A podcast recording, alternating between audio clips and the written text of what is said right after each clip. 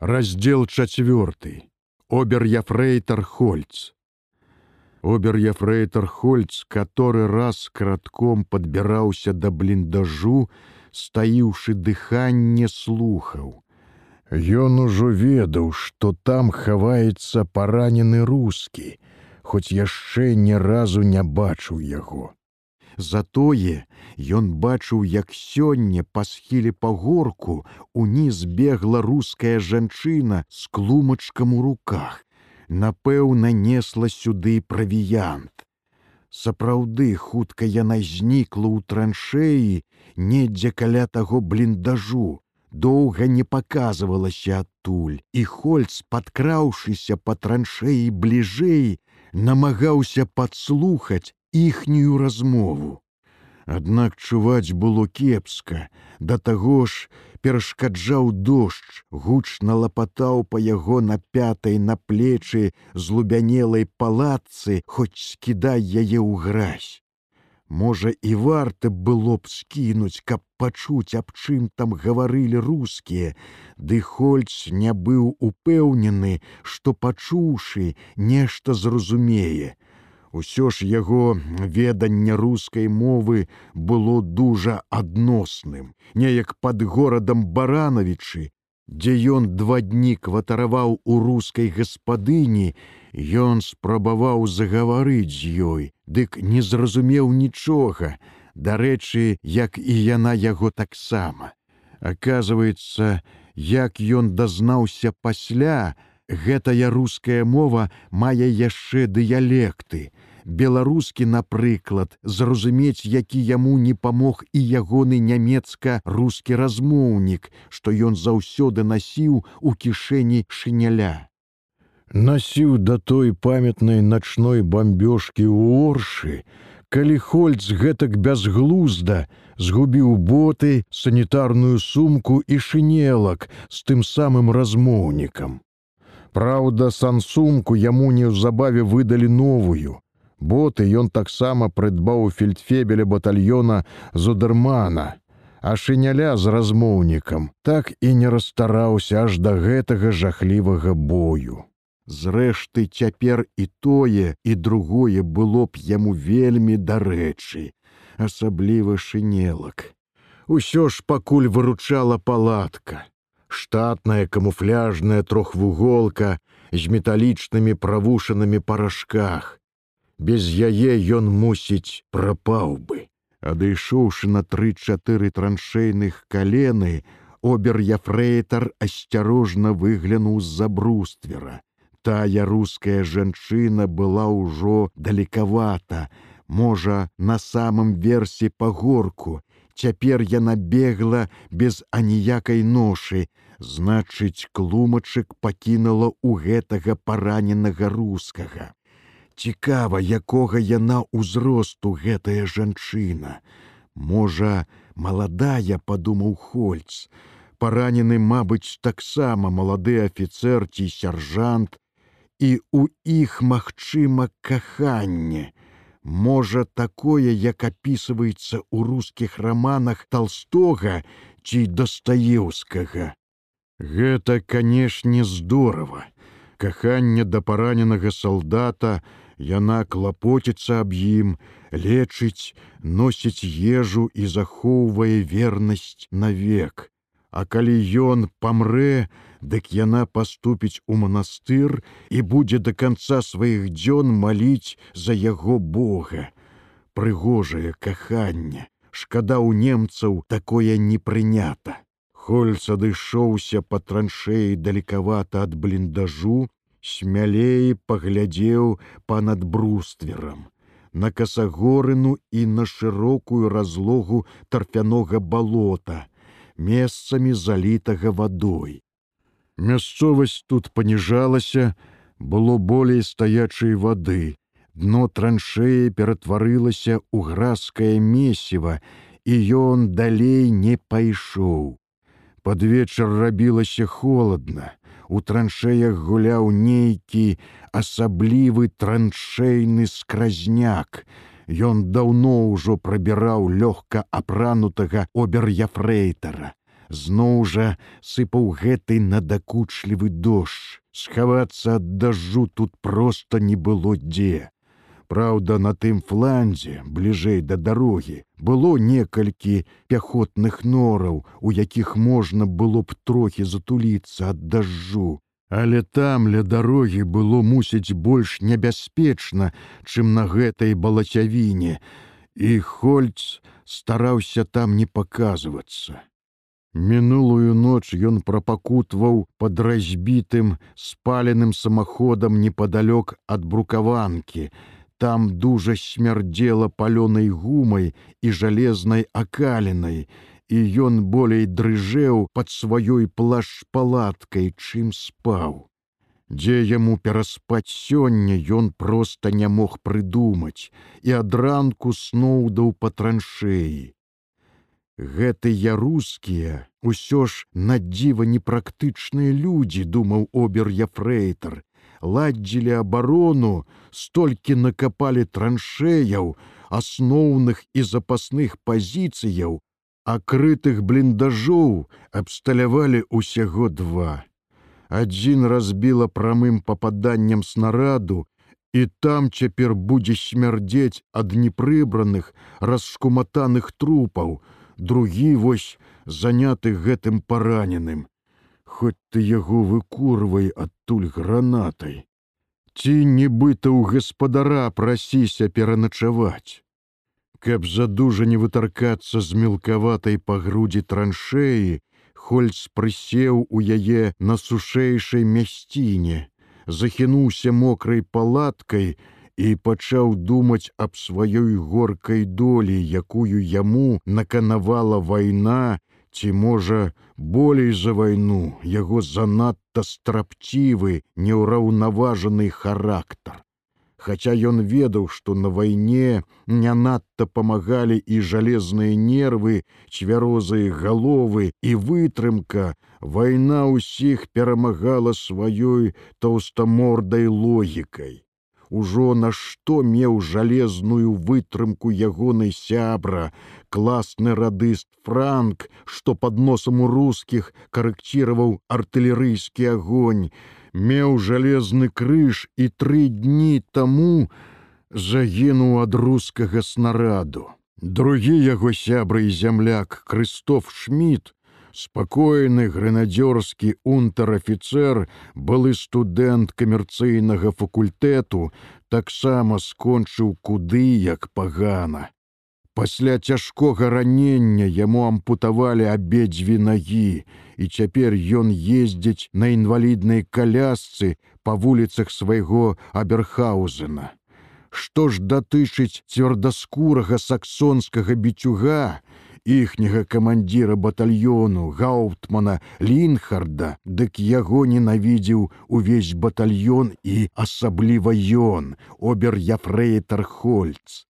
Зрэшты праз гэтую сваю нелюбоў да гауптмана ён хольц і апынуўся у сваім цяперашнім драматычным становішчы. Таких як лінхард на паўпісьменных салдафонаў выскачак у перадваенныя гады з'явілася процьма ў вермахце, дзе яны сталі галоўнай апорай нацызму, бо былі вольныя ад грузу маралі, адукаванасці ці хоць бы якой мінімальнай культуры і маліліся толькі аднаму ідалу фюрару і хай бы сабе маліліся, пажыраючы адзін аднаго, але для вайны ім таго стала мала, спатрэбілася процьма людзей іншых гатункаў. Запаснікоў, камерсантаў, інтэлігентаў, якіх яны не лічылі за салдат, а таму і за людзей таксама.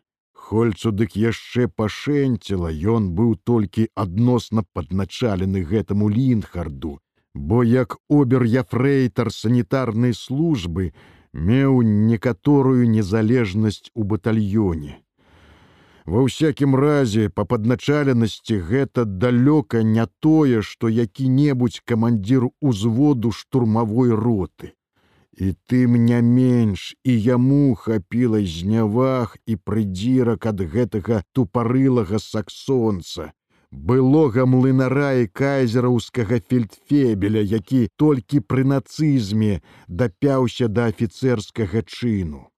Можа, два дні таму Хольц зрабіў і не па-хрысціянску і, напэўна, парушыў прысягу, але пасланы ад'ютантам прошкі выцягнуць з поля бою параненага гаўтмана, ён раптам падумаў, а калі не цягнуць, Лінхард ляжаў у канаве з распоратай, акрываўленай брушынай, жыць яму засталося няшмат.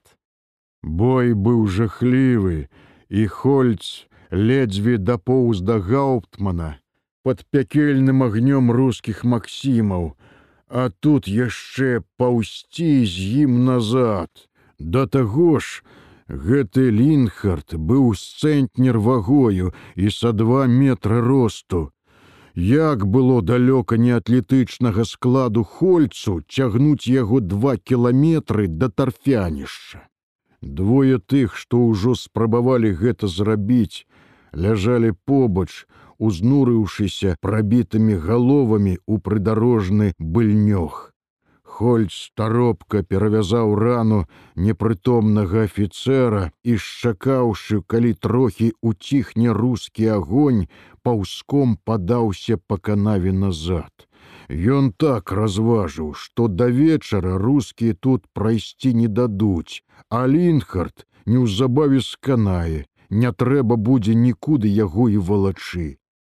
Неяк выбраўшыся з-пад агню на батальённы КП, Ён бадзёра далажыў ад'ютанту, што гаўтман Лінхард на вялікі жаль мёртвы і эвакуіраваць яго ў тыл не мае магчымасці.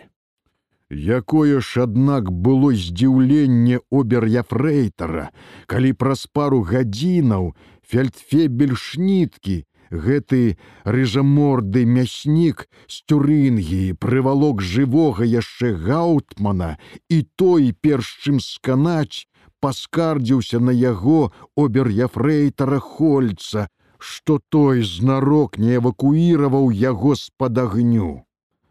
Ад'ютант тут жа загадаў арыштаваць обер'яфрэйтара, Але пакуль ён у гарачцы боя знайшоў для таго канваіраў, Хольц не стаў чакаць. Адразу зразумеўшы, чым для яго гэта скончыцца, ён кратком выбраўся з КП на тарфянішча, знайшоў добрую з вадой яміну, над берагам якой і праседзіў да вечару. Ён напружана абдумваў сваё становішча, але так і не прыдумаў нічога. Батальён тым часам выбіў рускіх з іх абароны і сцягнуўся на шашу. Хольц тады прабраўся з тарфянішча у пустую рускую траншею і засеў тут, не ведаючы, што рабіць далей. З'явіцца ў батальён ён ужо не мог. Для батальёна ён стаў дэзерцірам. Прабірацца ў тыл было болей чым небяспечна. Мусіць здацца рускім у палон было адзіным, хоць і далёка не самым для яго лепшым выйсцем. Але дзе тыя рускія? І як яму дапяцца да іх? У баявой паласе яго найперш схопяць свае ж немцы, тады будзе ганьба. Ваенна-палявы суд можа нават расстрэл на вечнае горы яго мяккай ласкавай маці. Пра бацьку даволі крутога характарам чалавека ён нават баяўся падумаць. Бацьку, напэўна, будзе спляжана ўся яго універсітэцкая кар'ера з яго нядаўна заслужаным прафесарскім званнем, Ён ужо ведаў новую завядзёнку нацыі. У падобных выпадках жорстка спаганяць не толькі з непасрэднага віноўніка, але і з усёй ягонай радні. Як гэта аб тым ён не падумаў раней. Але ці ён спадзяваўся, што гэты саксонскі свінюк акажацца такім жыццястойкім нават пры сваім смяротным раненні. Цяпер яму чорт ведае, што рабіць далей. Можа, лепей застрэліцца. Але застрэліцца ён, мабыць, паспее. парабэлам у яго заўжды под рукой у цвёрдай скураной кабуры на дзязе. Парабелум ён пакуль што не кіне. Толькі што карысці ад пісталета, калі тут пустая разбітая траншея і нідзе ні кавалка хлеба, ні сухара, ні галеты, у траншеі скрозь пустыя стралковыя ячэйкі, вёскі ж наўкола папалены, жыхары іх пакінулі, усе кудысьці сышоўшы. Трэці дзень ён нічога не еў і адташчаў так, што не ўпраўляўся падцягваць на жываце адвіслую з пісталетам дзягу. Да яшчэ гэтая санітарная сумка з палявым камплектам медыкаментаў. Сумку ён ужо ледзьве цягаў на плячы, усё наважваўся дзе кінуць, але чамусьці не кідаў, бо нешта замінала яму зрабіць тое, нібы ведаў, што яна яшчэ паслужыць яму. Цяпер пасунуўшы яе на калена, Хольц нечакана падумаў, а што, А што калі ён з'явіцца ў той бліндаж як медык і паможа рускаму. Бо калі паранены, дык наўрад ці ён абыдзецца без медыцынскай дапамогі, якой тут чакаць болей няма ад каго. Руская жанчына, напэўна ж, не доктар. Обер яфрэйтар устаў і пайшоў па траншеі назад. Дзіўна думаў ён, не зважаючы на зверскі агонь нямецкай артылерыі мінамётаў, забітых было тут нямнога, болей там ля дарогі, а на гэтым участку ён не ўбачыў ніводнага трупа. Ці, можа, рускія пабралі з сабой забітых, толькі наўрад хутчэй за ўсё гэты участак траншеі не быў імі заняты і служыў нібы запасной ці адсечнай пазіцыяй. Ну, але гэта можа і лепей. Хольц не любіў трупаў ні сваіх, ні рускіх. Яшчэ як вучыўся на медыцынскім факультэце, доўга не мог прывыкнуць да іх у анатамічным флігелі і звычайна пасля заняткаў там да канца дня не мог з'есці нічога, абыходзіўся кавай. Цяпер праўда, тое мінулася і калі б было што, ён бы з'еў побач з усякім трупам. Ну, але ў рускага павінна быць моз таго клумачку што-нішто яшчэ засталося. Ён зноў ціха падкраўся да апошняй павароткі траншеі, зірнуў на ўваход у бліндаж, але ў чарнаце нары ўваходу нічога не было відаць, бы там і не было нікога.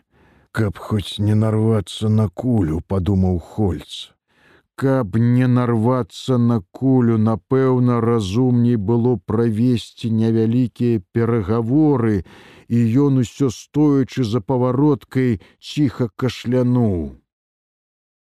У бліндажы па-ранейшаму было ціха, ніхто адтуль не выглянуў, але Хольц адчуў, што яго ўсё ж пачулі. Тады ён узяў з бруствера мокры камяк зямлі і шпурнуў ім бліжэй да ўваходу. Кто? Серафіма? Глуха данеслася з бліндажу. Першае рускае слово Хольц зразумеў пэўна, але ён не мог даўмецца, што азначае другое і зноў ціха пакашляў. Кто там? Не падхадзі, стреляю. Ужо зусім грозна раздалося ў бліндажы, і Хольц трохі здзівіўся: Ого, як свірэпа! Іх я немец, сказаў ён. Проч, стреляю, чулася з бліндажа. Ніхц баяцца, як мага спакайней сказаў Хольц, іх я бояцца. Я есть дезертир. Неспадзявана для сябе ён захваляваўся і зблыту асабістыя займеннікі, але мусіць рускі яго ўсё ж зразумеў, бо помаўчаў троху і зноў крыкнуў: « Бросай оружие, не подходи. Гэты адказ трохі збянтэжыў обер яфрэйтара. Калі кідаць зброю, дык мусіць можна было падысці, Але гэты камандуе не падыходзіць. Тады ён рашыў перавесці размову на іншае. Рус, я есть доктор, медицина. Какой еще доктор гучно донеслася з бліндажу разам з ужо знаёмым хольцу рускім матам, які, аднак даў оберу яфрэйтару зразумець, што ягоныя словы зрабілі ўражанне. І ён рашыў тут жа замацаваць свой маленькі поспех. Іх я немного перевязаль. У бліндажы настала маўчанне. Пагрозаў больш не было і хольц наважыўся. Трохі падняўшы з палаткі руки, каб паказаць, што яны без зброі, ён выйшаў з-за павароткі. Але толькі ён ступіў першы крок, як у бліндажы раздаўся крык і тут жа бахнуў пісталетны стрэл. Кулі ён не пачуў, аднак бордзенька шаснуў назад за земляны вугал. Рус дурак, абармот, сказаў ён, злуючыся. Тады пасля нядоўгага маўчання з бліндажу глуха пачулася, а закуріць. Есть куріць, табак, здзівіўся хольц. Да, табак, есть табак, сигареты. Ну давай, лезь, чорт з табой. Холь здзівіўся. У яго быў у кішэні пачаты пачак танных цыгарет, але ён цяпер не курыў. галодны ён звычайна траціў да іх ахвоту. На ўваходзе Хольц спадзяваўся ўбачыць рускага з накіраванай у яго зброяй, ды не ўбачыў нікога. Тады ён апусціў руки і сагнуўшыся палез у нару. Рус, Ніхц боялся іх, я дезертир, ціха гаварыў ён, ведаючы, што будзе пачуты. Тут жа ў прасторным пустым бліндажы ён убачыў рускага. Той з забінтаванай галавой ляжаў у куце, і ў яго аслабелай руцэ калаціўся скіраваны на ўваход пісталлет. Ніхт з пістоле, мірна сказаў Хольц, ужо зразумеўшы, што перад ім сляпы. Брудная, няўмела наладзеная павязка спаўзла да кончыку носа, з-пад яе, па зашчаціненым падбароддзі цяклі гнойныя выдзяленні, ад якіх брудам і плямамі узялася гімнасцёрка ля каўняра.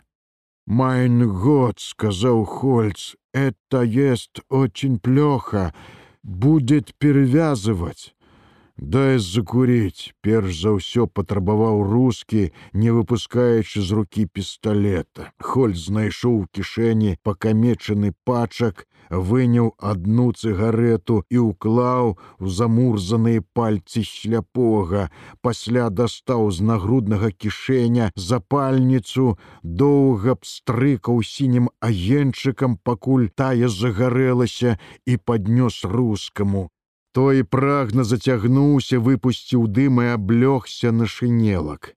Рускі маўчаў, усё прагна цмыгаючы цыгарету, але пісталет апусціў долу і хольц рашуча расшпіліў санітарную сумку.